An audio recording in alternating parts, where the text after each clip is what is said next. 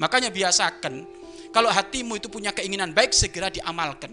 Sampai ada orang soleh itu saking pengen tidak menunda bisikan baik yang tersirat di dalam hatinya, padahal dia dari di kamar mandi, dia itu di kamar mandi lagi mandi tiba-tiba terbetik di dalam hatinya pengen nanti setelah mandi pengen infak sedekah kepada orang yang melarat ada di sana maka dia gedor-gedor pintunya sampai anaknya kaget ada apa? Bapak kok digedor-gedor? Ingatkan abah ingatkan abah nanti abah setelah mandi pengen infak sedekah ke orang fakir yang ada di sana.